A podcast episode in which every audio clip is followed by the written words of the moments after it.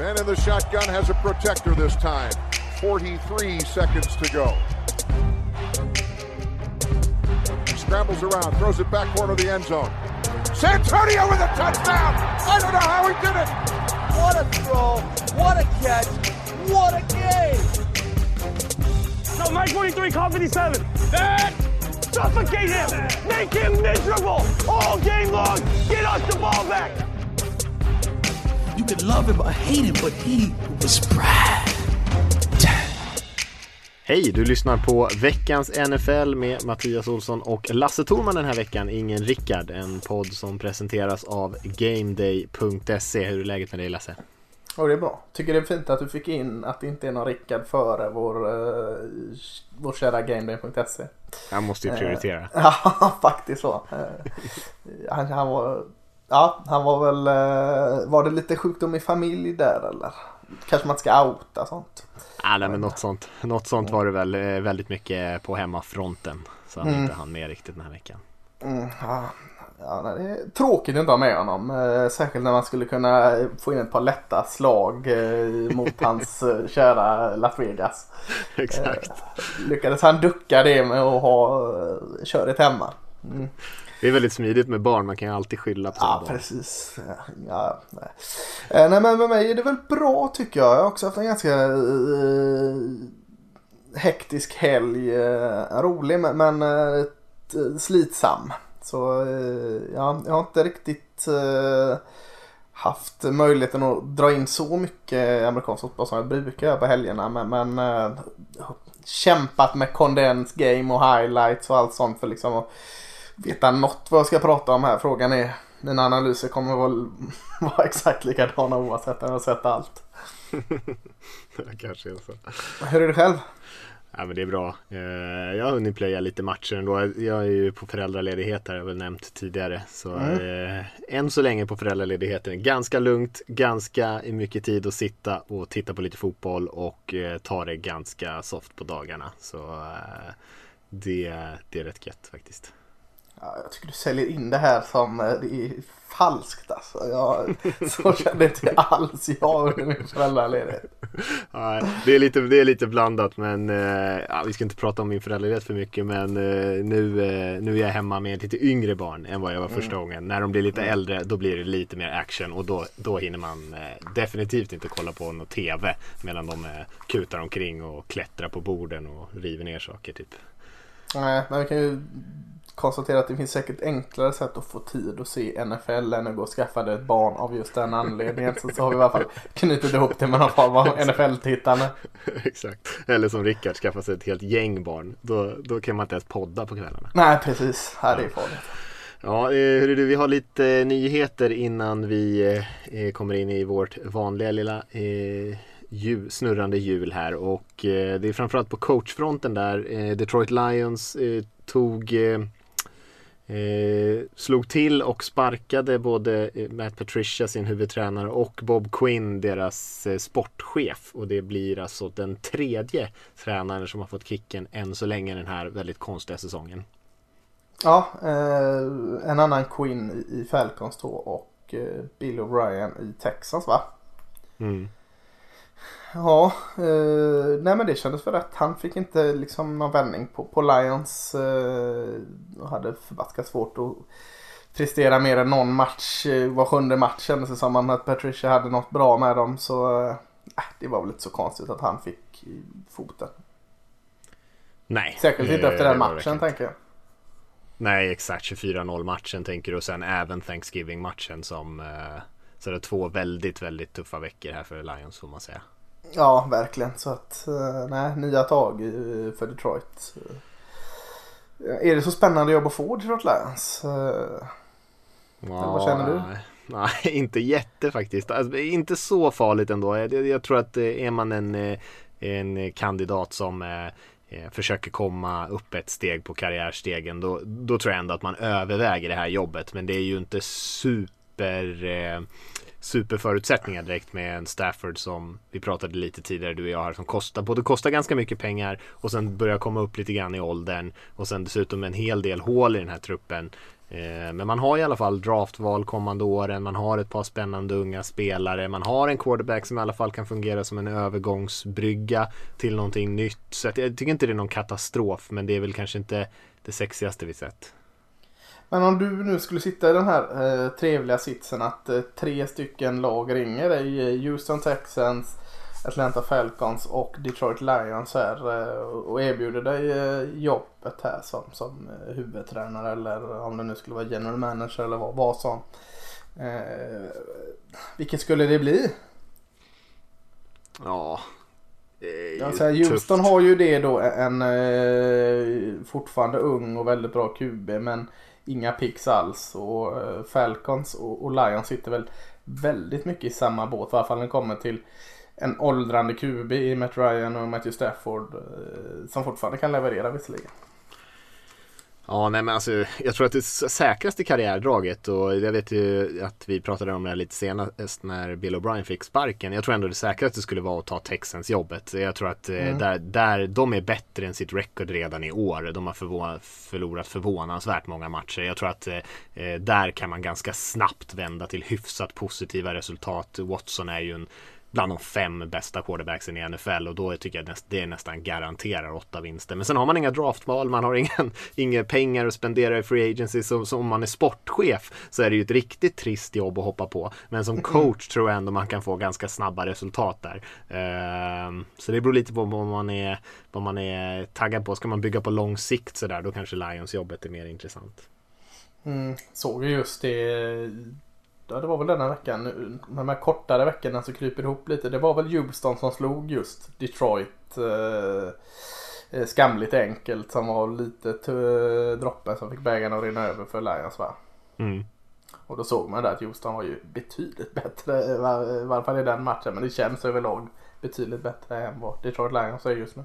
Ja, nej, uh, jag, jag tycker det. Vilket lag eller mm. vilket jobb skulle du själv ta? Ja, Eh, Eh, det är en bra fråga där. Ja, jag skulle nog säga att Detroit Lions eh, har ändå ganska mycket bitar på plats tycker jag. Eh,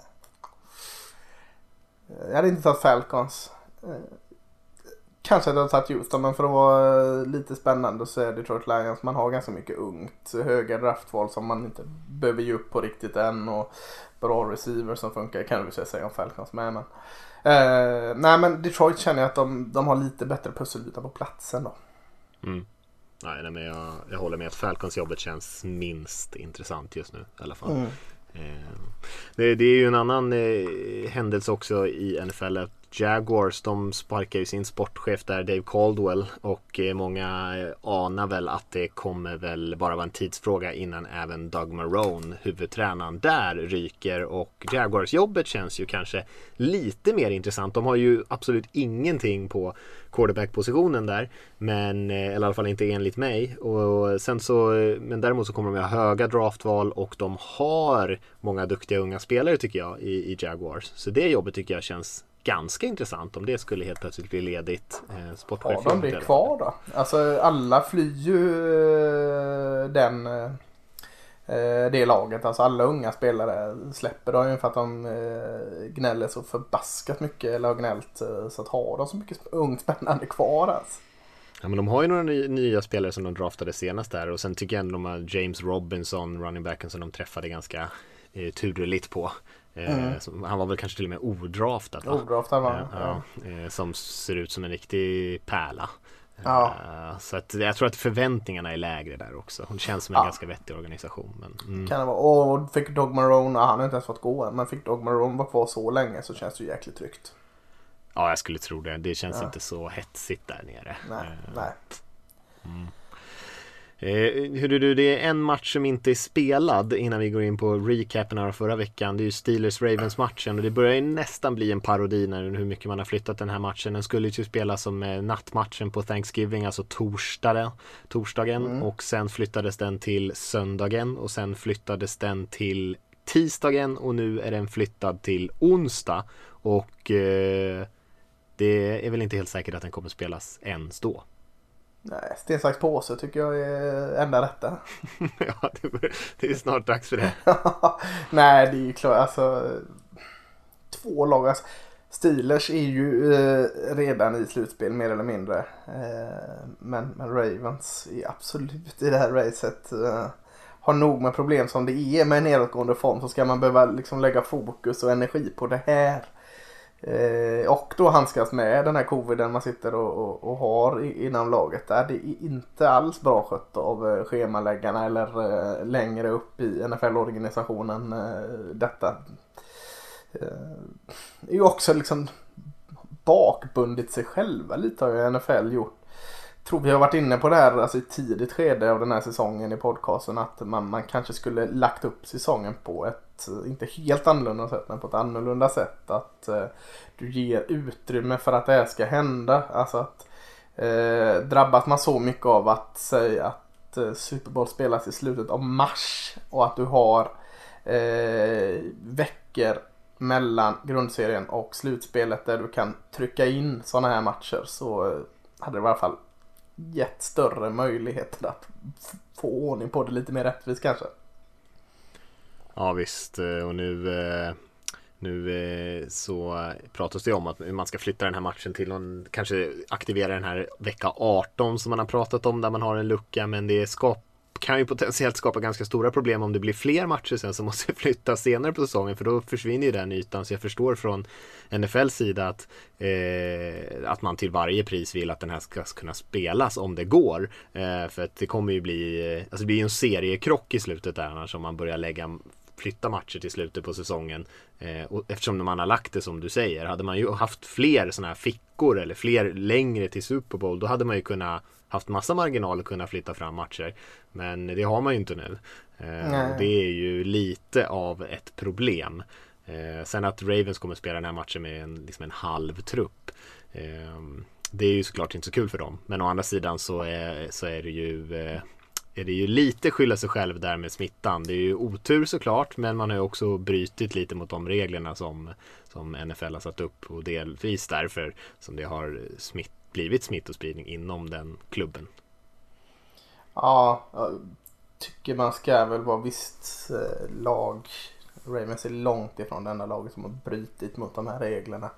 Jag tycker man ska vara, och det säger inte att du pekar med pekfingern på Ravens, det är något så jag menar allt men eh, blir ofta den tonen liksom lite överallt att eh, skyll själva och eh, ni är ju dumma huvudet som gjorde så. Jag tycker man först och främst ska liksom eh, försöka hitta någon form av sympati för att eh, de har inte medvetet gått ut och sagt att nu fasiken ska vi gå in och dra på oss lite gött i corona här utan ja, slarv kan hända framförallt i en sån här rörig tid så att ja, eh, mest se till att få ordning på det. Se till att folk eh, liksom hanterar den bäst möjligt och så försöka lösa det. Eh, och så få liksom pekpinnar och sånt. Det kan väl vänta man utredningar efterhand känner jag. Ja, nej men visst. Det är, det är klart, det, det är sådana här grejer som kan hända lite överallt. Det är ju mm. små, någon liten små grej som gör att det tar fart. Eh, mm. Men från Ravens sida så blir det ju svårt att ställa krav såklart. Ja, eh, absolut. Eftersom man har brutit med de reglerna. Yes. Ehm, men man, vi måste ju försöka få in den här matchen någonstans. Vi får väl se. Just nu är den schemalagd till på onsdagen så får vi se om den eh, stannar kvar där i alla fall. Mm. Eh, ska vi kika lite på den här veckan som var då? Det var ju, jag skulle säga att det var, vi pratade om veckan innan att det var väldigt mycket bra matcher och bra matcher bland de på förhand eh, upphypade matcherna. Det var inte jättemycket bra matcher här vecka 12 tyckte jag i alla fall. Eh, när jag satt och tittade på dem det var eh, ett, ett gäng matcher som inte överhuvudtaget var jämna Eh, till att börja med. Och det började ju egentligen på Thanksgiving redan på förra torsdagen när det blev två eh, utklassningar. Eh, när Texans spöade Lions som vi pratade om här med 41-25 och sen eh, Washington spöade Dallas med 41-16. Så det var väl kanske inte något sådär som man eh, eh, när man vaknade på fredagen så tänkte man det där var, eh, var värt att bli trött för. Nej, det var en liten hint om vad som komma skall där. Och jag var ju ordentligt pepp här nu. Jag hade liksom gått från det här att eh, ja, ja, vi, vi, vi, vi samlar på oss förluster här. Tankar som man så liksom lite sådär eh, använder som en ursäkt för att man är dålig på höga draftlag. Jag hade lite lagt det åt sidan efter en ynka vinst mot Vikings och tänkte så att nej men fan nu, nu, eh, nu går vi för det här cowboys. Nu, eh, nu tar vi oss ur den här eh, som minst dåliga lag och så åker man på en ordentlig propp mot eh, fortfarande dåligt Washington. Eh, det var inte så att Washington var så jättebra i den matchen och Cowboys försvar tillbaka till liksom har så här successivt blivit bättre och bättre och bättre och så gör de kanske sin sämsta match för säsongen när, när alla hade någon form av optimism i, i Dallas. Eh, alltså det var så här riktigt slag i magen på en nästan. Ja, nej. Jag förstår det. Det var ju jämnt ganska länge ska man säga. Washington vann fjärde kvarten med 21-0 och ja. drog iväg ganska rejält. Men annars var det väl eh, inte kanske så snygg match men i alla fall relativt jämnt långt in i matchen. Eh, mm. Och det enda man kan säga om Texans matchen tycker jag, förutom att Lions gör en en eh, horribel pinsam insats på alla sätt. Att Deshaun Watson återigen eh, spelar jätte, jättebra, vilket han gjort nästan hela säsongen. Eh, trots att Texans är 4-7. Ja, snudd på överreaktion men det finns någon sanning i det att säga att alltså, Dishon Watson kanske är eh, veckans spelare redan eh, torsdagen där. Men det ja, var en hel del bra spelare men han var en av dem i alla fall. Jättefin match. Mm. Passade för fyra touchdown tror jag va? Ja, exakt. Ja, det var fint. Eh, om vi hoppar in på söndagen sen. Vi nämnde ju Raiders hade ju en väldigt viktig match mot Falcons. De har ju spelat, eh, som vi kanske har nämnt tidigare, har ju haft ett av ligans tuffaste spelscheman i första halvan av säsongen här och har ju ett av ligans enklaste spelscheman i slutet på säsongen. Då tänkte man att nu ska de börja rada upp vinster. Möter ett ganska hopplöst Falcons-lag som har sett eh, inte alls bra ut i år och förlorar med 43-6 i en total utskåpning på alla möjliga sätt. Eh, och jag vet inte vad som hände där. Jag trodde starkt på Raiders inför den här matchen eh, och var väldigt imponerad av dem i deras match mot Chiefs senast. Men eh, mm. det här var ju, eh, ja, gick sprang rätt in i en vägg här, Raiders. Ja, man är väl lat om man säger att det är en reaktion från den fina matchen mot Chiefs. Men, men eh, så mycket slarv liksom det var på i, i alla fall eh, offensiven för Raiders här. Eh, ja, det kändes som nästan varenda drive slarvade de bort. Och äh, fick inte igång någonting. Det kändes som de till slut blev ängsliga för att slarva ännu mer. Och eh, Falcons, äh, ja som du säger, utklassade dem. Äh, rolig notis är att äh, Falcons pass rush mot kanske en liten haltande offensiv linje för, för Raiders funkade bättre än någon match tidigare under säsongen. Och det är ju nästan till samma vecka som de skickade iväg både Tank, vad heter han, Tank McKinley va? Mm. Eh, och Wick Beasley eh, kattade dem och båda plockades ju upp då av just Las Vegas Raiders. Så eh, två pass spelare som de bara skickade ut, två första val. Eh, plockade upp på Raiders och så funkar pass rushen jättefint. Så det är lite så här ödets ironi där. Ja, verkligen. Men det är också väldigt, eh, jag ska inte säga att det är typiskt Raiders, det kanske är orättvist, men det är typiskt Falcons i alla fall att göra den här typen av matcher. Sumpa hela säsongen och sen se skitbra ut i ett par matcher på slutet av säsongen. Eh, det är ju lite så Dan Quinn har klarat sig kvar så länge där för att de har gjort den här typen av matcher. Nu är ju inte han kvar, men eh, de är fortfarande kapabla att spela på det här sättet det är väldigt oväntat såklart att försvaret skulle spela så bra eh, mot det här imponerande Las Vegas anfallet. Mm. Ido Smith, running backen där, min uh, lilla favorit, Just det. såg fin ut. Ja, visst, visst. Vi kan hoppa till, eh, jag kikade på eh, söndagen så att jag kikade på Chargers Bills där. Eh, en match mm. som jag hade ganska höga förhoppningar på. tycker den känns som ändå två, trots att Bills är 8-3 och Chargers är 3-8 så tycker jag att under den här säsongen att de här lagen har sett relativt jämna ut. Chargers borde ha vunnit betydligt fler matcher och Bills kanske någon färre än vad de har gjort.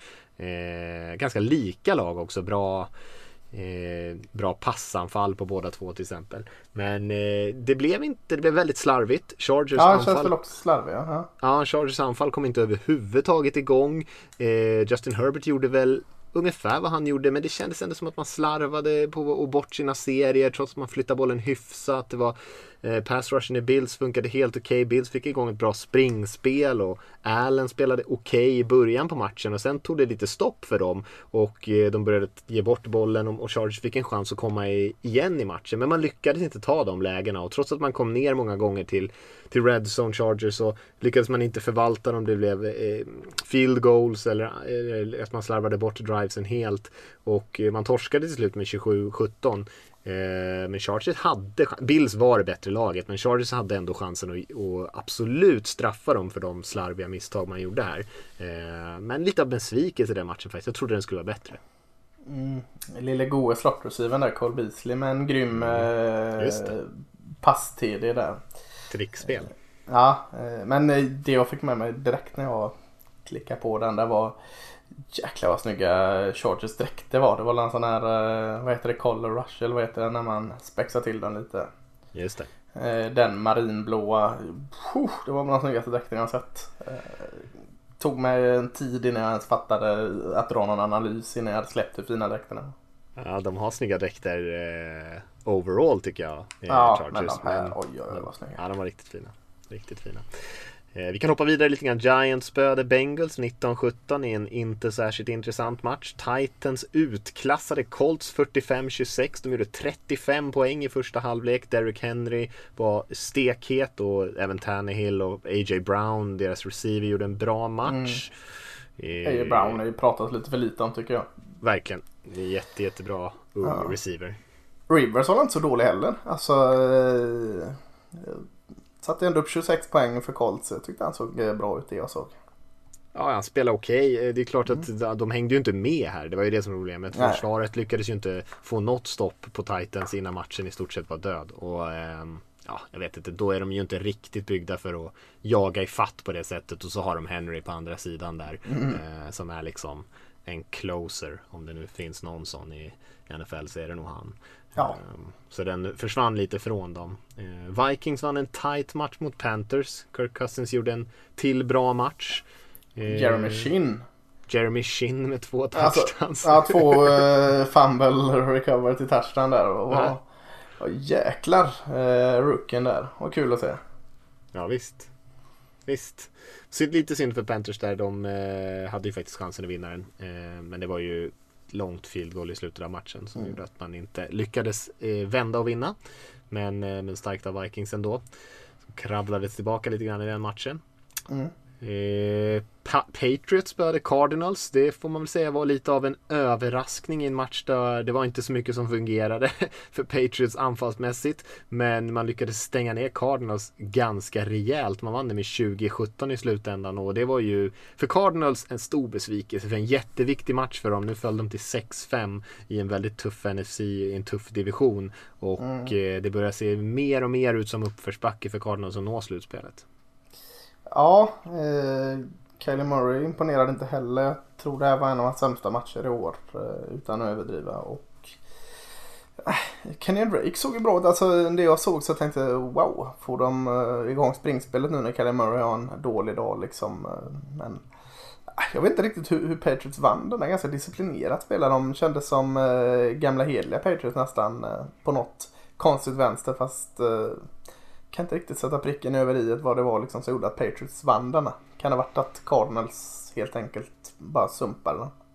Ja, lite så. Men eh, bra coachjobb såklart försvarsmässigt. Mm. Och sen har man ju sitt springspel med, med Newton och sina running backs bakom den, en hyfsad linje. Men jag, jag, jag sa väl det i någon tidigare podd där att det är ju i lite tysthet en av de mest imponerande coachjobben som Belichick har gjort. Och han ja, har gjort många bra coachsäsonger. Men, men att det här laget är 5-6 är ju 5, helt eh, oerhört otroligt. De har, alltså jag, jag, skulle säga att det är den sämsta truppen i NFL. I, i, kanske i konkurrens med Jets. Men det är ju åtminstone botten 5 är ju liksom utan tvekan tycker jag. Och ändå är man nästan 500. Eh, och man vinner ju matcherna på så konstiga, alla möjliga konstiga sätt. Eh, och det visar ju hur viktig coachningen kan vara Eh, och man kunde säkert ha vunnit fler matcher för man har varit med i de flesta matcher också. Det mycket jämna matcher. Där man inte borde kunna spela jämnt mot de här lagen med mycket mer talang. Men eh, ja, nej det... Jag tror inte de kommer nå till slutspel och även om de gör det så tror jag inte att de gör något väsen av sig där. Men, men att de överhuvudtaget är relevanta eh, är ju otroligt egentligen.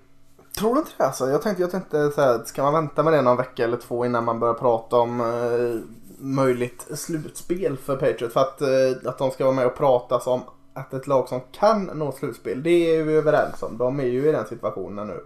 Men sen att de kanske inte gör det, det är en annan sak. Men tänk om det är sånt där klassiskt lag man säger, ja, kommer de till slutspel så är det nog inte många som vill möta dem. Men, men du känner inte riktigt så eller? Nej, jag skulle nog gärna möta dem om de ja. alltså jag, jag, tycker de är inte så pass bra. Och de bra lagen som tar sig till slutspel de borde ju eh, ganska lätt ta hand om Patriots tycker jag. Eh, mm. Men ja, ja det är klart. De är ju, om eh, Belichick kommer in med någon riktigt bra gameplan så är det kanske inte så jäkla lätt som man, eh, som man tänker sig. Jag var tvungen att kolla på deras spelschema. De har ju Chargers här nästa match och sen har de Rams, Dolphins, Bills, Jets. Så det är ju inte omöjliga matcher men Rams och Bills borde ju bli tufft för dem. Um, och i så fall så når man ju inte över 8-8 om man bara vinner tre av de matcherna. Men uh, vi får väl se. Det, mm. Klarar de att spå, spöa Cardinals så kan de ju definitivt slå Rams eller någon av de andra lagen. Lite så känns det eh, Ja, eller hur. Vi hoppar på här lite grann tänker jag. Mm. Dolphins vann över Jets 23. En eh, ganska enkel vinst, inte så mycket att säga. Fitzpatrick spelade där för Dolphins. Browns vann en eh, ganska svettig match mot Jaguars 27-25. Jaguars som ändå utmanat ett par lag här på slutet. Saints Broncos är ju en intressant match. Jag tänker vi kan nästan ta den på slutet. Ja. Vi tar 49ers som skrällde mot Rams i en match där Jared Goff gjorde många, många stora misstag och 49ers vann med 23-20 apropå bra coachjobb. De är också uppe på 5-6 trots alla spelare de har förlorat. Och sen så Chiefs som vann med 27-24 mot Tampa Bay i den som var veckans stormatch får man väl säga men eh, jag tyckte inte den var så jämn som, som slutskåren 27-24 utan Chiefs vann ju den där matchen relativt bekvämt egentligen. Och sen så kom de eh, tillbaka lite grann på slutet, backade ner där Tyreek Hill med nästan 270 ja, receiving yards. Över 200 uh, yards i första kvarten. Vilket jäkla litet svin han är. Uh, ja, det är han verkligen. Och Packers utklassade eh, Bears på eh, Monday Night Football och Seahawks vann i en lite slarvig match där DK Metcalf var väl stora utropstecknet när de vann med 23-17 mot Eagles där på, på Monday, Monday Night Football var det, Sunday Night Football var Bears ja. Packers. Fick med varenda jäkla match där. Nej, vi fick inte Nej, med det, den så vi skulle vänta med lite. Ja, vi, mm. Saints mot Broncos. Varför skulle vi vänta med den då Mattias? Var det något särskilt med den menar du? Ja, jag vet inte, vi pratade väl om det kanske förra veckan va? För eh, Broncos fick ju ett eh, covid-utbrott i sitt, eh, på en av sina quarterbacks. Som eh, dessutom då hade varit i nära kontakt med alla andra quarterbacks och de hade inte följt de här rutinerna med masker och GPS-grejer och sånt där. Så att alla de hamnade i karantän så att man hade ingen quarterback till den här matchen. Och eh, då fick man plocka upp en, eh, en kille som hette Kendall Hinton, tror jag han hette. Eh, från sin practice squad som bara för några veckor sedan jobbade som säljare. Eh, och han fick komma in i den här matchen, lyckades eh, få fram en passning eh, till sina egna lagkamrater, två till motståndarna på hela matchen. Och på andra sidan så var det ju Taysom Hill som spelade för Saints och eh, han var inte heller sådär jätteframgångsrik i luften kan man inte påstå. Men Saints vann ju lätt 31-3 i en eh, mm. väldigt konstig match. Tio passningar som nådde mottagare eh, för båda lagen ihop eh, på den matchen. Eh, Kendall Hinton var, var väl wide receiver va? Han är inte ens QB så att... Nej, exakt. Äh, läskig jäkla match alltså. Bland det konstigaste man har hört den här historien i, Broncos. Eller det man har hört av den. den säkert mycket man inte har hört av den. I den här situationen med covid. Jag tänkte om vi skulle gå in på våra spaningar sen så kan ju inte jag låta bli att fastna med den. Ja, nej, jag, jag, tycker eh, det kan vi lika gärna göra. För jag tänker vi Mm. behöver inte säga så mycket om de här matcherna här. Eh, Vi nämnde ju det, det viktigaste tycker jag från dem. Så eh, kör Mm. på du med din Saints Broncos spaning. Ja, eller det är ju Spanien och det är ju inte, det är ingen spaning direkt. Det har alla pratat om det här som liksom Denver har fyra quarterbacks med covid. Bara det är ju helt bisarrt hur, hur det liksom eh, och eh, var väl ganska snabbt fastslaget att det var ju ingen tillfällighet det här. Och oavsett nu, jag har sett många som liksom har eh, blivit bra förbaskade på, eh, på dem hur de har skött detta. Om man ska lägga skulden på eh, offensiva koordinatorn Pat Shermer eller QB-coachen Mike Shula, det, det vet jag inte. Eller eh, vad det heter han den gamla eh, kuben Dan Orlovsky som är, får alldeles för mycket mediautrymme var ju helt galen på de här eh, både Luck, Driscoll, Bortles och Rup- Rupien va? Det var väl de fyra som hade liksom att ständigt gnället i att eh, jag fick aldrig chansen i NFL liksom att spela QB. Det var alltid någon framför mig och så. Här hade ju fyra spelare chansen. Alla sumpar bort det genom att liksom inte följa rutiner. Och, och eh, ja, sätter eh, Denver Broncos en jäkla skitsits liksom när de får ta in en wide receiver som, som QB. Och eh, jag tycker bara det är så bisarrt hur det kan hända, hur det liksom kan ske. Eh, ja, jag eh, hoppas det kommer ut någon lång eh, välskriven historia eh, från liksom A till Ö hur det här gick till för det är Ja, någon, någon, några huvuden borde ju nästan rulla på grund av en sån här sak. Alltså det, det får ju inte ske. Nej, exakt. Och det är väl eh, jag tror bara att det var en av dem som faktiskt hade corona men de andra tre blev liksom avstängda eller eh, avaktiverade på grund av att de har varit liksom i nära kontakt. Men det betyder ju att de har suttit då i samma rum och hängt alla quarterbacks utan masker eller någonting på sig. Och det känns Ja. ju som en grej som är, det här är ju ganska dumt. Det borde man ju inte göra. Ja. Eh, För risken är ju rätt stor då att om, om någon av dem får det så kan ingen vara med. Eh, och det var ju precis vad som hände. Eh, och det känns ju liksom, eh, det känns inte särskilt seriöst. Man måste ju vara medveten om den risken åtminstone. Eh, och även huvudtränaren där var ju ganska tuff mot sina quarterbacks efter matchen. Att, eh, att det var oproffsigt av dem och att de hade satt laget i en riktigt dålig situation på grund av att de själva inte hade eh, tagit ansvar liksom som, som ledare eh, för laget. Mm. Och det, det var väl inte riktigt min spaning. Min spaning var ju liksom baserat på den här matchen med som Hill och Hinton då som man hette två quarterbacks som kanske inte levererade på QB-positionen den här veckan. Men eh, så liksom kollade jag igenom matchen här och liksom kom fram till att de var väldigt, väldigt långt ifrån ensamma med att inte leverera eh, när det kommer till quarterbacks den här veckan.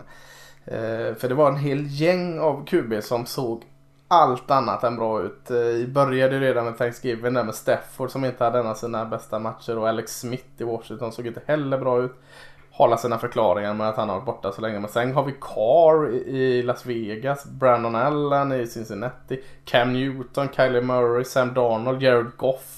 Eh, alla roliga. Så att det, det som är lite komiskt i det är att Mike Glennon, Nick Mullen och Trubisky känns som tre av dem som kanske är de bästa quarterbacksen. Ja, så har vi de här givna namnen med Holmes och Rodgers och sådana. Men när man nämner Mike Lennon, Nick Mullen och Mitt Trubisky som eh, på den övre halvan av bra QB-insatser i en vecka. Så är det ju, ja, då är det ju en svag QB-vecka. Ja, det var det ju verkligen. Uh, och eh, jag kan, ta det, jag kan ta det en nivå till Ja, eh, med, med min spaning nu när vi ändå är riktigt neggiga mot quarterbacks. För vi pratar ju ofta positivt om dem Ja, också.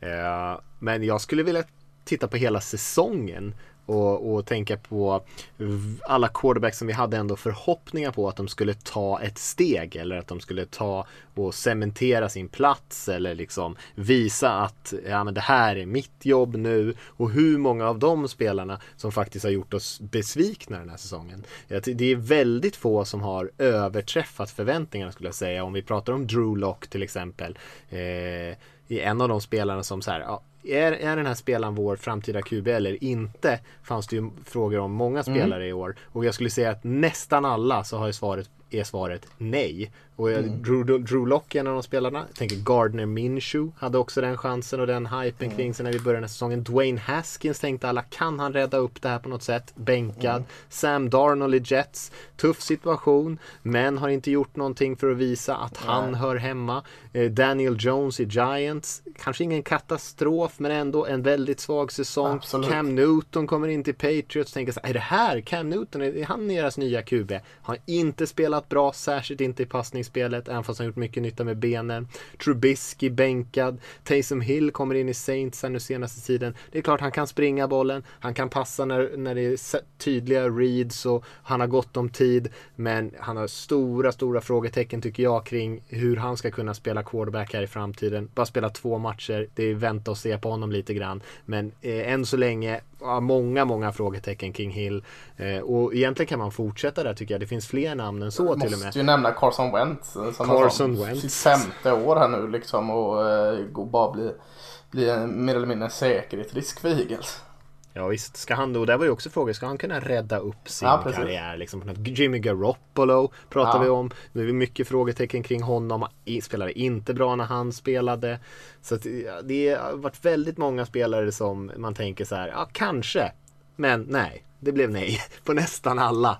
Och det, jag vet inte om det har någonting med förberedelserna inför säsongen eller att man liksom, ja, eller att vi, det kanske helt enkelt inte fanns så många alternativ så att det var många som fick chansen att visa. Men det var ja, väldigt... Men då är ju inte, ja, alltså då har vi inte ens sett röken av Josh Rosen, James Winston, Marcus Mariota som, som bevisligen då inte hade vad som krävdes men eh, har inte ens roterat in någon av dem så vitt jag vet. Så eh, ja, det finns också väldigt många som eh, var väldigt lovande för inte alls så många år sedan som inte heller liksom ens har fått komma ut och visa att de kanske kan vara någonting när det ändå varit så här många som inte har levererat. Nej visst. Och det, det, på, det är ju inte egentligen min spaning men jag tänker det påverkar ju, vi vet ju att vi har en ganska spännande quarterback draft mm, som verkligen. kommer här nu. Men eh, om vi räknar in alla de här plus alla lag då som kanske har lite äldre quarterbacks. Vi vet att det, Drew Brees i och för sig, där pratade vi om Taysom Hill men han kanske gör sin sista säsong. Vi pratar om Stafford, vi pratar om Matt Ryan, vi pratar om många andra spelare som där man tänker så här, där kanske man ändå måste byta ut sin quarterback snart. Så är det kanske tio lag som behöver en ny quarterback just nu. Eh, finns många spännande unga spelare, rookies, quarterbacks har ju spelat väldigt bra. Men det är väldigt många lag som kommer leta efter en ny quarterback. Colts till exempel med River som sitter på ett ettårskontrakt. Ja, mm. det, det är många lag som har behov och alla, inte ens hälften kommer kunna ha en chans att fylla de behoven.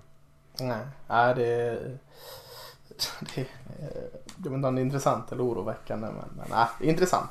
Det är ja, men en, det. en spännande position liksom att gräva ner sig lite för, för djupt egentligen. Det, det är lätt att göra det och väldigt roligt. Ja visst, visst. Ja. En annan liten spaning eh, som bara är värd att nämna att jag tycker eh, när det pratas om eh, Offensive Rookie of the Year så är det ju nästan liksom, redan ingraverat QB och sen är det bara att välja namnet bakom där men Eh, en som jag eh, kanske inte trodde så mycket på så snabbt. Är ju Tristan Wirth eller Tristan Wirfs i eh, Tampa Bay Buccaneers, alltså offensiva attacken här. Eh, satt och kollade lite av den matchen där eh, Tampa. Och blev, eh, ja, de, när de förlorade mot Chiefs visserligen, men eh, lite som du sa för några veckor sedan att när du kollade en Jets-match att du bara kolla på Mika Becton. Eh, jag satt bara och kollade på Tristan Wirfs för han var så jäkla bra. Och jag tycker han har varit så jäkla bra varje Buccaneers-match jag har sett där. Så att eh, pratas alldeles för lite, tycker jag såklart, om, om offensiva linjeman och han tycker jag har varit helt suverän. Ja det har han verkligen och de problemen sådana har haft har nästan varit på andra sidan där de har ja. liksom veteranerna. Eh, Precis. Och där har man ju saknat Marpet såklart men det är ju ändå på, på left tackle med eh, vad heter han nu igen? Donovan någonting. Eh, som man haft eh, lite större problem. Och högersidan mm. med Worfs har ju varit väldigt stabil. Ja, verkligen. Mm, vi, vi, brukar ju lyfta varsin spelarprofil också. Eh, om du inte kände att du hade några eh, fler spaningar där? Nej, men jag, jag, jag är färdigspanad för idag. Färdigspanad. Eh, ja, men jag tänkte att eh, jag skulle säga några ord om eh, Devante Adams ändå, receivern i Packers. Ännu en Packers-spelare. Fan, det är tredje mm. eller fjärde vi tar upp i år. Vi har snart igenom hela deras eh, trupp. ja, de går ju bra i år i och för sig. Ja. De går ju jäkligt bra i år. Eh, nej men eh, tänker att han är värd lite cred ändå. Det är kanske en spelare som med tanke på hur bra han är kanske inte prata så mycket om honom. Men ja, det är ju klart, han är ju en stjärna. Så det är ju inte så att han inte nämns. Ehm, men eh, bara för att ge lite bakgrund på honom. Ehm, från norra Kalifornien, precis som sin quarterback där. Rätt bra basketspelare. Hamnade ju på Fresno State. Blev, var ju inte super eh, högt rekryterad. Men spelade ju där med, med Derek Carr. De öste ju in touchdowns och yards och han hade ju en enorm produktion i, i eh, i college. Han hade ju nästan 3000 yards och 38 touchdowns på sina två säsonger där, 26 matcher. Mm. Med 24 touchdowns sin sista säsong. Vilket var, jag tror att han var 6, 7, 8 touchdowns före den näst bästa i, i hela college, collegevärlden. I alla fall på högsta divisionen den säsongen. Så det var ju ganska en absurd säsong. Eh, men han gick ändå inte sådär jättehögt i draften. Han gick ju någonstans i mitten, slutet på andra rundan. Jag tror att han kanske gick 50, 52, 54 där någonstans. Eh, till Packers. Och eh, har ju haft en ganska lugn start. Han har varit ganska produktiv men inte varit liksom deras nummer ett receiver hela tiden. Och alltid varit bra i red zone. Men jag tycker på senaste tiden och senaste åren framförallt så har det verkligen börjat klicka för honom. Och jag tycker att han spelar fantastisk fotboll just nu. Eh, hans route running är otrolig. Och kombinationen mm. han har av liksom rörligheten, storleken, hans cuts. Eh, hans catch radius nere i red zone som vi pratar om. Han fångar så otroligt mycket touchdowns. Produktionen han har just nu på gång med Rogers är ju helt galen. Och och eh, jag har, all, har länge haft i många, många år nu om jag skulle ranka alla NFLs receivers så har jag alltid haft ju Julio Jones på, på toppen av den listan i säkert 4-5 år. Eh, men skulle jag göra en sån lista idag så skulle jag sätta Devonte Adams som NFLs bästa receiver eh, just nu. För jag tycker han spelar på, på den nivån. Mm. Han är jättebra. Du vill, du vill inte använda det uttrycket som jag eh, nästan var sugen att ta med på en spaning. Eh, Uh, he plays with a chip on his shoulder. det, det är sjukt uh, missbrukade och överanvända uttrycket. Uh, hörde att DK Metcalf played on a, with a chip on his shoulder efter den här matchen. Ja, han kan, kan man kanske lägga in det? Kan man lägga in det han var så produktiv i college och, bli, och det känns som alla som inte valdes nummer ett i draften play with a chip on his shoulder. vilket är, ja det är jäkla känsliga rackare. Ja det gör äh, verkligen. Det gör verkligen. Ja. ja. men han är ju väldigt intressant för han är ju anledningen till att det också det är inte så mycket snack om honom är ju för att han är faktiskt ganska lugn, ganska ödmjuk, inte så snackig, inte så flashig eh, utan bara väldigt bra. Eh. Ja, nej, jag håller med. Han är, han är fantastiskt bra faktiskt. Eh, mm.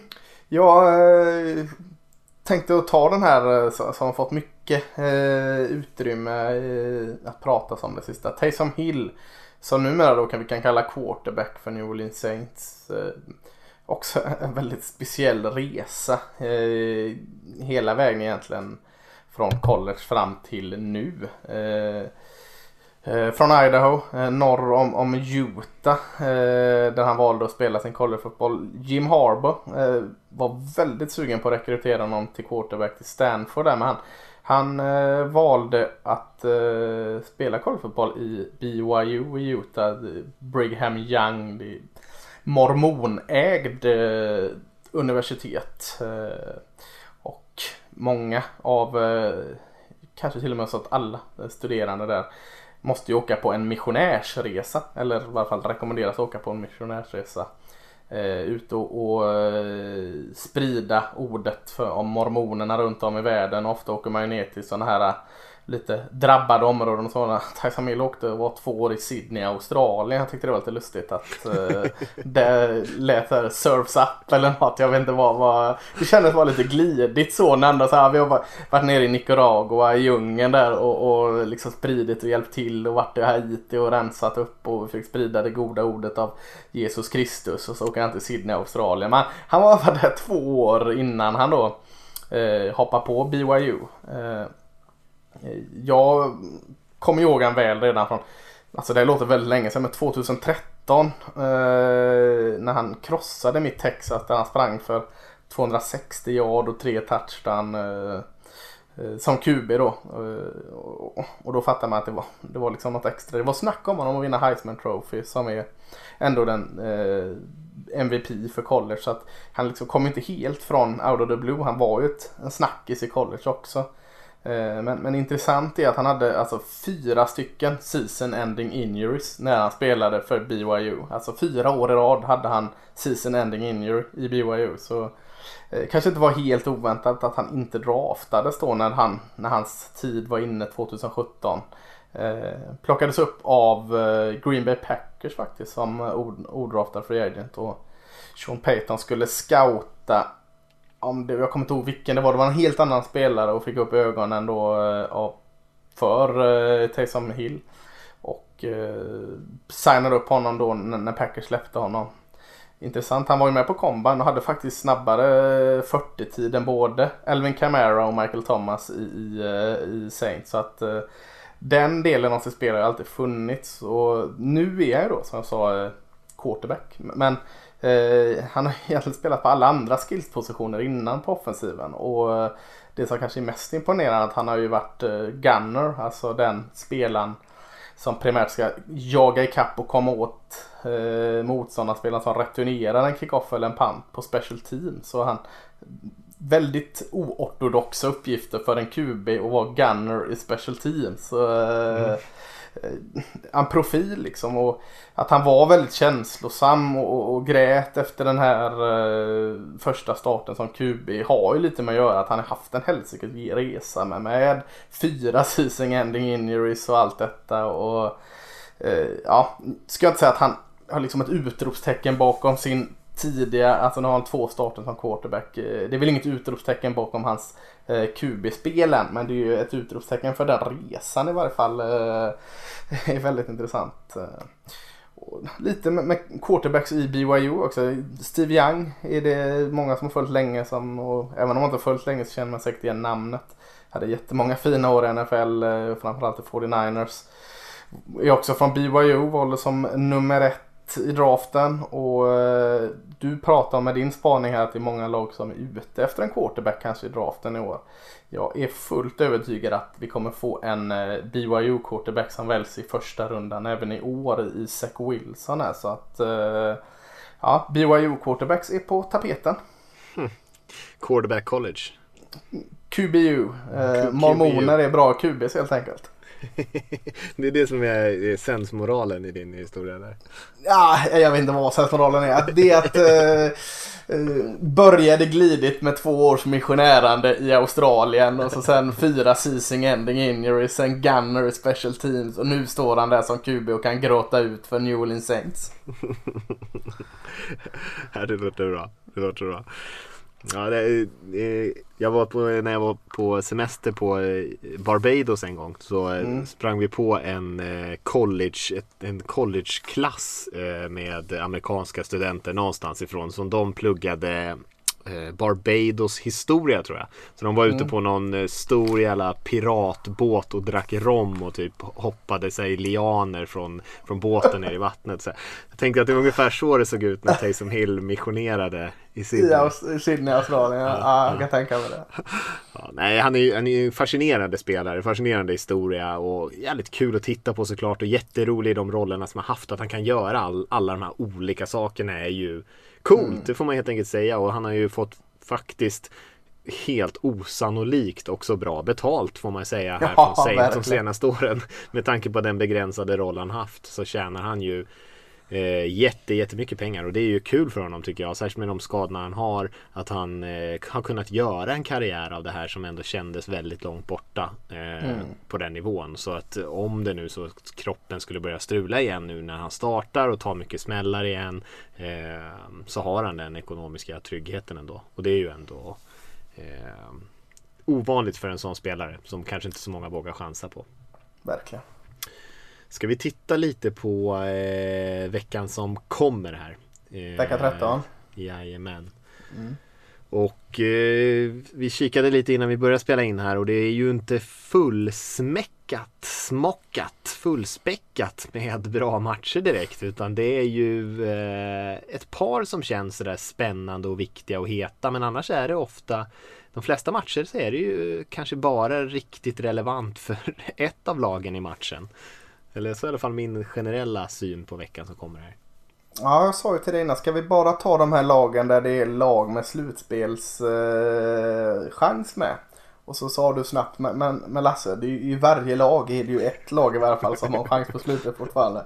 Så, så min tes föll ganska snabbt där. Jag tänkte att jag skulle hitta någon form av röd tråd som gjorde att vi kunde lyfta lite matcher när det, när det är tunt med toppmöten.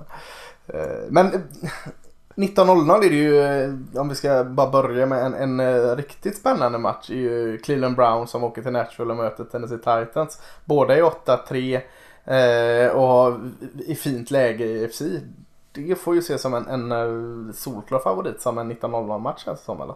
Ja, den känns ju där faktiskt kul. Browns har ju eh, spelat ganska fula, sunkiga matcher här på senaste tiden och inte imponerat jättemycket men vunnit. Men de har ju också spelat i, kanske lite underskattat, ganska kastväder i Cleveland många av de matcherna. Så det har varit väldigt speciella matcher faktiskt. Medan Titans eh, kanske har eh, varit lite mer flashiga de senaste veckorna. Men eh, kul running back matchup här tycker jag mellan Ja, Derrick. Henry som vi nämnt tidigare som ja, är ju outstanding såklart. Och sen Nick Chubb som också är en av ligans absolut bästa running backs. Eh, som det pratas väldigt lite om men som han är en jättebra spelare. Och där har de ju också Hunt i Browns. Ja, jag tänkte säga det. Måste nästan ta upp Hunt också för han är Mm. jättebra också. Ja, kastväder kan du nästan hoppas på. Det var ungefär ett år sedan den här hemska tornadon slog till mot Nashville och ödelade halva stan. Så att eh, de kanske drar med sig det till, till Nashville igen här och spelar i tornado. Hoppas vi inte såklart. Men... Uh, nej men är inte Titans favorit här. Deras försvar. Uh, ja, det känns som att det är lite med hjärtat i halsgropen om man skulle vara Tennessee-supporter och se dem spela försvar. För att stundtals gör de jättefina eh, ingri ingripande i försvaret och, och liksom lyckas få med takeaways och, och mot Colts också. Liksom producerade turnovers. Men på det stora hela så är väl det i stort, det är väl grejen med Titans nu som är ett frågetecken, försvaret. Ja, de har ju läckt en hel del. Eh, och, men det har å andra sidan Browns gjort också. Nu får Ja, de tillbaka Miles till Garrett. Aha. De får tillbaka Miles Garrett här, Browns. Eh, så att eh, det är ju en, eh, en stor, eh, stort plus för dem såklart att han är med i den här matchen. Men eh, man kan ju tänka sig att anfallen borde kunna slänga upp en del poäng ändå i den här matchen. Ja, det känns lite som det i alla fall. Och, Baker Mayfield är just nu, skulle jag säga, kanske lite elakt, bara en, en medioker quarterback. Han är inte eh, mer än så. Eh, kanske man kan säga om Ryan Tannehill också. Men Tannehill sitter i en lite bättre situation tycker jag. Där de har mer en, en spelbok som eh, är anpassad efter den typen av QB än vad ibland känns som Browns har. Men Jarvis Landry hjälpte Baker väldigt mycket och Baker var långt ifrån dålig förra matchen. Men Mm, det, det är som du säger, det är en eh, running back fight här och eh, sen kanske är liksom tungan på vågen vilken QB som har eller vilket försvar som har sämst, eh, minst dålig dag på jobbet. Ja, jag skulle säga att Browns försvar har ju potential att ställa till med lite stora spel och turnovers, lite mer kanske. Men samtidigt har Browns, du nämnde quarterbacksen där, jag tänker eh, skillnaden är väl att Tannehill är, är ju lite mer effektiv och min, gör oftast inte lika mycket misstag som Mayfield har gjort Nej. på andra sidan. Så att eh, Browns har ju kanske både lite större risk att eh, ge bort bollen med sitt anfall och lite större chans att eh, ta ifrån bollen med sitt försvar. Kanske forcera några fumbles och sånt där som Miles Garrett har gjort i en rasande takt när han har varit på plan. Ehm, så det känns som att det, det hänger lite på den här matchen vad Browns kommer till spel med. Eh, Titans, de brukar ju, de är ändå ett lag som vi vet lite grann vad vi har. Browns känns som att de kan vara väldigt olika dagar. Ja, och det är inte så vanligt att säga detta men, men det känns också lite som båda lagen har nästan råd att förlora den här matchen. Det är ju ful, det är, så får man inte säga såklart men alltså 8-3, båda lagen sitter ganska fint till. Ja, jag visste om det. Visste om det. Vad har vi Eh, mer 19? Ja, det är inte mycket intressant. Raiders möter Jets. Det är såklart en match de måste vinna, det borde de göra. Eh, Vikings möter Jaguars, samma sak för Vikings som för Raiders egentligen. Dolphins möter Bengals, det borde de ta kan man ju tycka. Ja. Eh, Lions, Bears känns inte jättehet, det är två lag som börjar bli lite avhängda i NFC, NFC North. Men vi har ju Colts, Texans där. Eh, som kanske inte sådär förhand jätte, jättesexy heller. Men för Colts är det en viktig, de måste vinna. Och Texans som i alla fall jag tycker är bättre än deras 4-7 record. Och jag tror absolut att de kan ställa till det för Colts här om, om eh, Indianapolis inte kommer in och spelar betydligt bättre än vad man gjorde mot Tennessee senast. Ja, det känns bra. Eh, nu, det nämnde vi inte som nyheter heller men Houston Texans har väl två spelare som är avstängda nu på grund av eh, lite eh, skumma preparat va? Ja exakt. Och det är ju Fuller och vem var den andra spelaren? Eh, var det inte eh, en receiver till? Nej. Eh, nej nu kommer jag fast inte ihåg det. Borde jag ha kollat upp innan jag, jag släppte den bomben där. Men, men, eh, jag bara skickade tillbaka den förra gången. Men, men Will Fuller har ju spelat väldigt bra för dem. Eh, så att ja men visst. Eh, är det inte han Bradley Roby?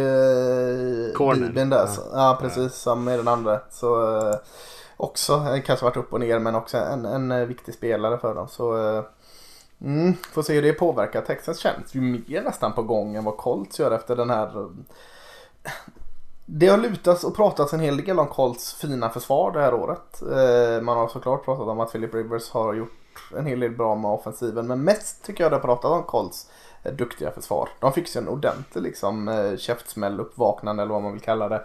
Mot Titan som liksom skämde ut dem så med det i skakning, om det är i skakning, det vet jag inte. Eh, mot Houston Texans, eh, som du med all rätt säger, har eh, spelat bättre än att vara 4-7. Så ska jag lägga in ett tips på den här matchen så, så eh, kan det säkert ge lite pengar tillbaka och lägga en peng på Houston Texans. Här.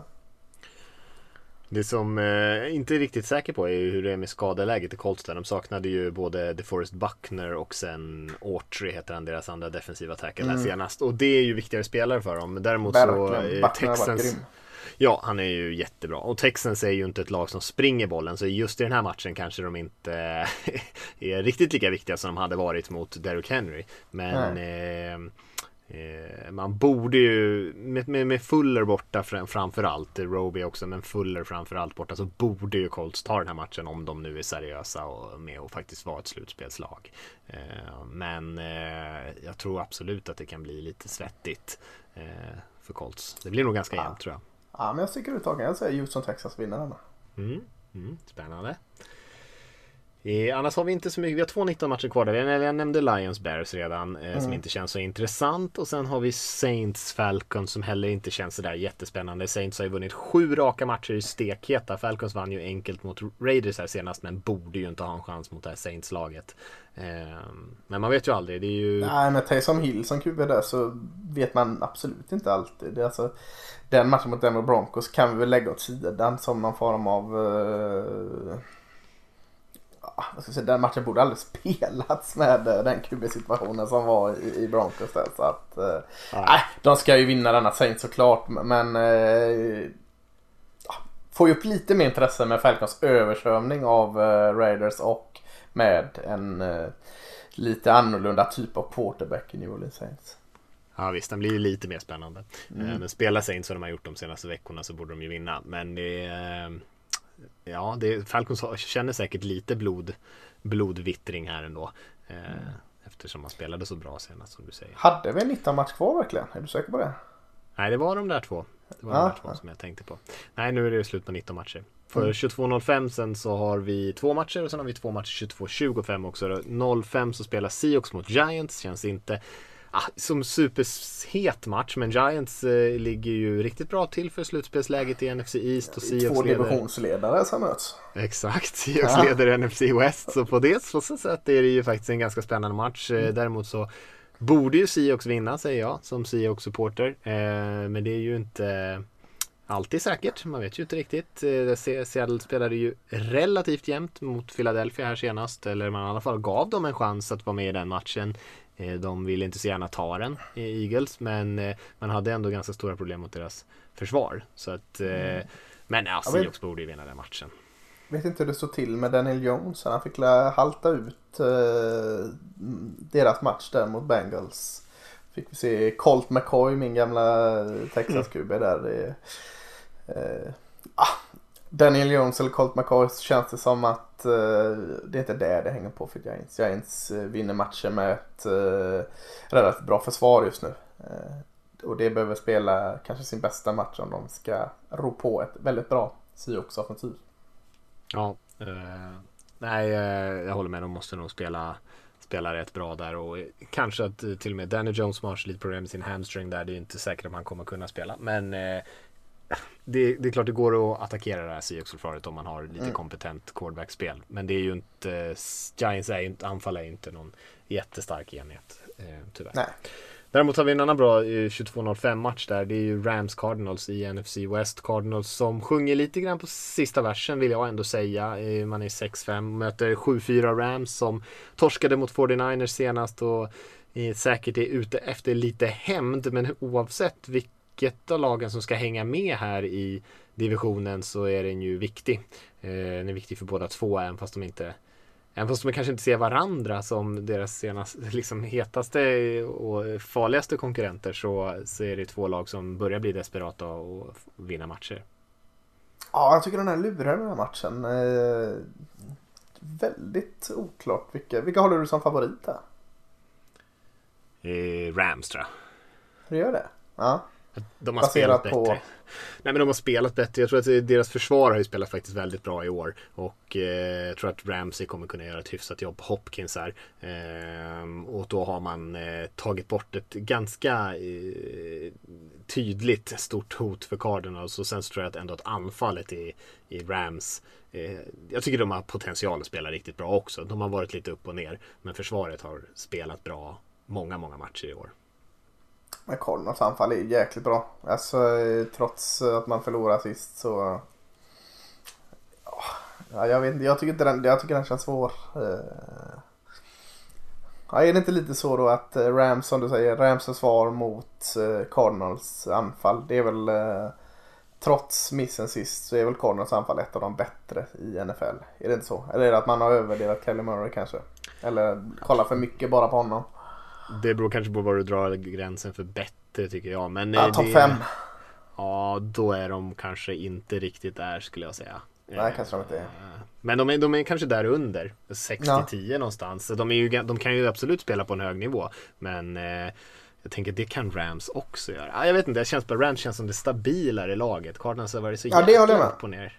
Mm. Uh, men visst, de har en hög högsta nivå. Och om Kyler Murray nu, han har ju haft lite småskador. Gjorde illa axeln lite grann. Eller om det var skulderbladet. Uh, eller uh, nyckelbenet menar jag. Någonting i, i hans axel i alla fall i den här matchen mot Seahawks. Och sen dess har det ju varit lite skakigt för dem. Så att om han är hundra och har en av sina, de här dagarna när han kutar runt som en dåre och ser ut som någon tv-spelsfigur då kan mm. ju de vara jäkligt svårstoppade. Men eh, har det inte riktigt sett ut så på senaste tiden. Nej, nej. Jo, det är spännande. Jag eh, tycker fortfarande projektet Cardinals är roligt så eh, jag hoppas på dem. Ja visst, visst är det så. Eh, Patriots Chargers kanske man inte ska säga sådär mycket om. Jag pratar ganska mycket om dem, båda de här lagen. Eh, jag måste dock säga någonting för jag glömde säga det på recapen. Men alltså Anthony Lynn, alltså herre min gud i, i slutet på matcherna eh, är, en total katastrof. Alltså jag vet att vi redan har pratat om det. Du har haft en sån spaning innan till och med. Ja, men ja. Alltså, jag tänkte, då tänkte jag att liksom Alltså att det inte skulle fortsätta, att de liksom förstår det själva. Men när jag tittar på den här Chargers-matchen senast, man blir ju liksom förbluffad. Alltså jag tror vilken liksom pucko som helst som sitter i soffan hemma skulle kunna gå in och göra ett lika bra jobb som honom med game management situationerna i slutet på matcherna. Det var en katastrof. Ehm ja, det kostar dem massa matcher. Jag ska inte tjata mer om det, men om man jämför de här två coacherna här i, mm. i, i, viktiga situationerna i matchen. Uh, så är man gillar ju ändå Anthony Lynn på något sätt. Alltså, eh, Varför ser han så panikad ut? Alltså, ja, ja, två, två, gånger när skulle spela, två gånger när de skulle spela på fjärde down och typ fjärde och ett eller fjärde och två förra matchen mot Bills här. Så var han så långsam och kunde inte bestämma sig om de var tvungna att ta en timeout. Alltså båda gångerna. Eh, och så sprang de den med 20 sekunder kvar eh, nere i red zone i slutet av matchen. Det var ju för sig, matchen var död, det spelar inte så stor roll. Men, men ändå så mycket konstiga saker eh, som är... Än mer imponerande av Justin Herbert då nästan. Ja, jo men det hade ju, de är ju bra liksom lite trots Anthony Lynns eh, eh, tokerier. Kan han ligga pyrt till det? Det kan han va? Ja, jag tror Alltså, det. Jag ja. tror det. Med tanke på alla de här grejerna, för det blir så mycket fokus på honom. Han är, kan, är säkert en bra coach i liksom, var, vardagen och verkar ju som en jävligt härlig kille. Ja. Eh, jag tror att laget gillar honom och spelar hårt för honom. Men eh, det, kommer, det är så mycket fokus på honom när han håller på så här i slutet på matcherna så att när, när man ska hitta en syndabock i slutet så tror jag mycket väl det kan landa på honom tyvärr. Eh, för att det är liksom det är oacceptabelt dåligt. Han måste i så fall lämna över det till någon annan om han inte kan hantera det. Men eh, Ja, ja det är roligt. Ja, Jag tänkte faktiskt på det när jag såg det. Att, eh, ja, det är precis det här du har tagit upp i din spaning.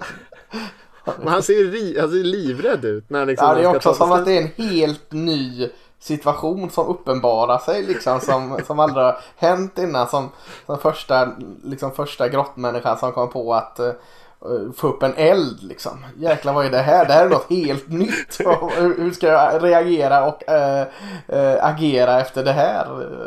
Ja, det, det är väldigt, väldigt underhållande. Det borde Ja, finnas några fina klipp. Det är fascinerande för man pratar om, liksom, vi pratade om ehm, om Titans coach där, Vrabel, att han hade liksom planerat två minuter i förväg. Och det, det, alltså det är höga förväntningar. Så, liksom, Mm. så med måste man inte vara som kanske han är. Men jag tänker mig så här, när man ställer upp för att spela på tredje och sex. Att man då, om man springer bollen, att man då vet att om vi liksom får fjärde eller ett, två, tre, ja men då kommer vi spela. Det borde man liksom bestämma innan. Han behöver ju inte vara ute på plan och spela spelen. Han har ju mycket tid som helst att tänka på det där. Och sen ändå som han säger, så är du, så som du säger där, så är han helt chockad sen att, att han måste ta beslut om någonting. Som att det kom från ingenstans. Eh, men det kunde ju vem som helst ha förutsett liksom. Ja, nej, eh, fascinerande eh, att han eh, är så dålig på det. Ja. I Eagles Packers har vi det sen klockan eh, 22.25. Packers som eh, valsar in i slutspel utan större problem här. Eh, och eh, ser inte ut som att det kommer bli en stopp på det. Eagles är ju fortfarande med och utmanar lite grann om slutspelsplatserna såklart i NFC East där. Det är väl alla lag där. Men eh, tuff match tror jag. Jag tror inte de har en chans i den här matchen. Nej, och det verkar vara mycket liksom, eh, liksom storm kring i, inom Eagles med Doug Peterson och eh, andra coacher och general manager. Eh, Viska som tappat förtroende och eh, såg det Athletic hade gjort en lång eh, reportage om att liksom hur de har förstört det här within the organization från att varit en Super Bowl vinnare så pass nyss med, till att bli det här. Hur, hur dåligt de har skött det just eh, allt genom draft och, och coaching och detta. Så att jag vet inte hur mycket liksom det som påverkar en match. Eh, även om det har varit frid och fröjd så hade de haft problem mot Packers. Här, men, men Eagles just nu i eh, något av ett fritt fall skulle jag säga. Ja, och det, jag tror att eh, Peterson gör ju sig en otjänst också som är förtroendet hos resten av lagen tror jag när han håller på och försvarar Wentz in i Mm. absurdum. Ehm, Ja det blir och säger, här säger ju dubbel... egentligen- eh, Ja fortsätt. Ja, nej, men han säger ju egentligen i stort sett varje vecka att det inte är, att det inte är quarterback-spelet som är problemet utan det är andra saker som är problemet. Och jag tänker mig om man är av, någon av de spelarna som spelar på andra positioner så tänker jag att det är inte sådär jättekul att höra eh, när Wentz leder NFL i interceptions och fumbles och eh, Men det är ju det missar också. öppna receivers på löpande band. Det är inte så att han kastar famla för att han är, får en pass rush av fyra stycken 150 kilos gubbar i ryggen utan han missar vid öppna kast, har ingen kommunikation med sina receivers och, och gör massor av misstag varje match. Och det ser ju lagkamraterna. Och det måste ju coachen faktiskt kunna gå ut och säga att det är för dåligt. Eh, det är inte tillräckligt bra. Jag tror att han skjuter sig själv i foten där Peterson när han liksom ska ha Wentz rygg genom hela det här. Utan det är, man, gentemot de andra spelarna så tror jag att man tappar jäkligt mycket förtroende. Mm, jag tror det var någon vecka sedan jag satt och kollade på Eagles och, och liksom kom fram till det här att eh, receiversen är ju också liksom skräp just nu. Eh, eller de, de spelar som skräp. De ser ut som de eh, liksom inte vill spela för Carson Wentz. Och så tänkte jag på en annan sak här. De, de var så tydliga i sin, i sin draftplan att liksom plocka spelare med speed. Snabba receivers skulle de ha ser ingen av de här receiverna som skapar eh, det, det jag såg. Jag såg bara highlights och kondenst eh, lite där mot Seahawks. Men jag såg ingen och, och då är Seahawks försvar långt ifrån eh, bra. Som skapar liksom någon separation direkt. Det pratar om de här snabba receiversarna men om de är så snabba borde de fast kunna skapa mer separation och öppna upp större luckor än vad de gör. Jag tyckte inte jag såg det. Så att, äh, det känns som det är mycket som inte fungerar framförallt på den offensiva sidan av, av Eagles. Ja, visst är det så. Jag tänker att uh, Jalen Rager där som de tog uh, receiven tidigt. Uh, ja, med tanke på hur många duktiga spelare som gick i draften mm. så uh, Jag vet inte om man var så att man tänkte att man var tvungen att ta speed och därför mm. kanske prioriterade bort andra saker. Men än så länge så ser det ju inte ut som att han är av samma kaliber som många av de andra spelarna Nej. på positionen. Nej. Eh, ja, inte så mycket att säga om den. Och sen har vi ju Broncos då igen där på eh, som spelar på söndagen. Ja men två och, eh, quarterbacks får uh, vara tillbaka i rotationen här nu på onsdag. Ja, Lock är väl tillbaka. Ja, och så någon till där. Så att ja. frågan är om de får tillåtelse att spela liksom. Så sura ja, alla är på dem. Nej men det får, det får Kör med hint av den till. Har du inte chans att vinna ändå kan lika väl stationera eller sätta ett exempel liksom här att uh, få Hinton uh, säsongen ut här. Kan de skylla på det sen? Ja, ja. de möter Chiefs, det sa vi inte, men de kommer Nej. ju få spö troligtvis eh, får man väl ändå säga. Ja, absolut. och sen har vi en till match där på, vad är det för tid den spelas egentligen? Den spelas väl... Ja, den spelas klockan 23 den här matchen. På söndag. Nej, måndag. Måndag, tidig måndag. Det blir ju ändring så in i helsike för att mm. eh, covid har varit inblandad här. Eh. Det här är ju väldigt förvirrande för man sitter och tittar på, eller nu sitter jag och tittar på liksom NFL.coms schema här och då är det ju då är det ju Sunday Night Football är ju listat på måndag för att det spelas natttid då 2.20 och sen är 23.00 på måndag 23.00 på måndag då står ju den liksom eh, Ja det, jag blev väldigt förvirrad men det står ah. alltså en lite tidigare eh, Monday Monday Evening Football kanske man kan ah. kalla det eh, mm. med football team mot eh, Steelers som eh, kanske då har spelat en match på onsdagen så att det blir väl mm. eh, eh, de får ändå hyfsat med vila där Mm. Och eh, oavsett hur mycket vila och inte vila så eh, är väl den här lika. Eh, liksom gungbrädan är tung på ena sidan som Chiefs Broncos. Det här är Steelers match eh, alla dagar i veckan. Ja visst, visst är det så. Vi behöver inte säga så mycket om den egentligen tänker jag. Eh, Monday Night Football har vi ju sen Bills 49ers. Den kanske känns Lite intressant bild som sagt. Eh, tycker de ändå spelade bra senast eftersom det var ganska mycket slarv. Eh, försvaret framförallt gjorde en bättre match än de har gjort på länge. Springspelet mm. kom igång. Men eh, 49ers spelade Rams. Eh, har ju varit lite upp och ner. De saknar ju jättemycket spelare och har ju egentligen deras säsong har ju på något sätt eh, blivit eh, körd i botten här efter eh, allt som har varit in och ut för dem. Men de är ändå 5-6 här. Eh, Sherman tillbaka i varje fall med en skadespelare. Hade en fin match, en pick där senast eh, på Goff. Eh, jag vill inte han en, en en nyckelspelare som avgör den här matchen men eh, såg lite spelare tillbaka i varje fall. Och, och eh, Nick Mullen, jag säger att det inte är så mycket sämre än eh, Garoppolo. Just liksom så att man, om man skulle dra upp Garoppolo-skadan som en, en, liksom en tung eh, liksom mot 49ers så ja, Garoppolo kanske är snäppet bättre än Nick Mullen men ingen av dem är några sådär höjda kubis tycker jag. Så att eh, duglig med Nick Mullen också. Bills.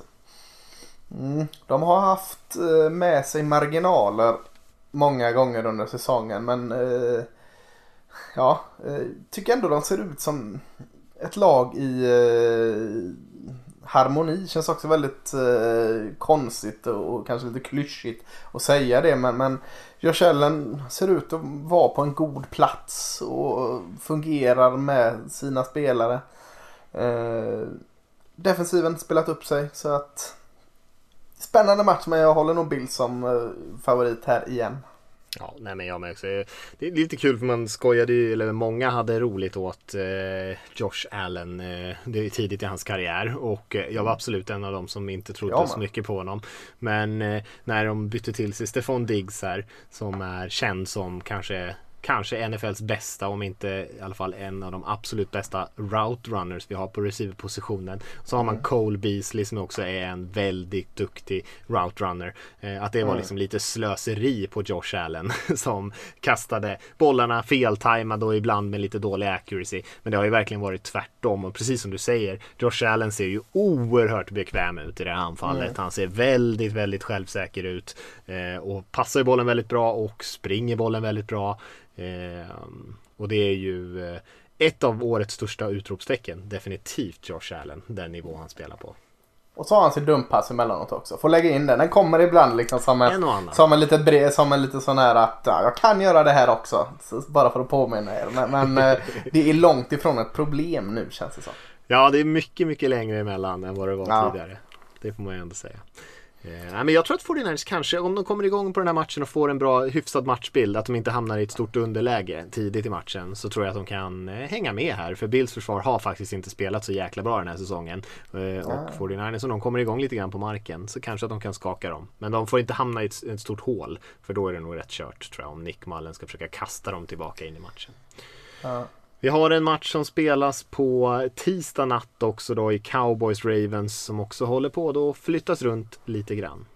Ja, den här är ju jättesvår att säga någonting om för vi vet ju inte alls hur läget är med, med Baltimore Ravens här och allt som händer kring dem. De, eh, jag snudd på att säga att Baltimore Ravens är favorit oavsett hur många jäkla spelare man har på eh, covid-listan och annat. Men, men det har ju inte sett sådär jättebra ut för Ravens innan det här började hända heller. Så att favorit absolut men, men eh, solklar favorit Kanske, men det är inte så självklart. Det är ju inte som eh, Chiefs, Broncos, Steelers eh, fotbollteam tycker jag inte.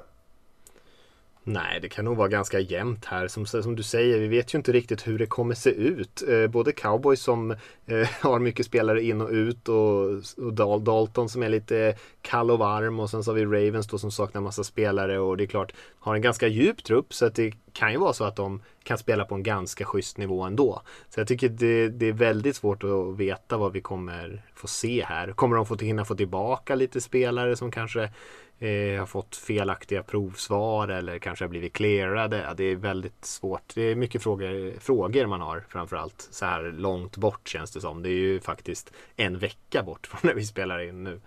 Ja, det gör det. Men, men det liksom, det känns som det var länge sedan man såg Ravens offensiv bra. Alltså det, det känns väldigt länge sedan. Så eh, ja, Ravens är väl favorit, men, men eh, långt ifrån säkert.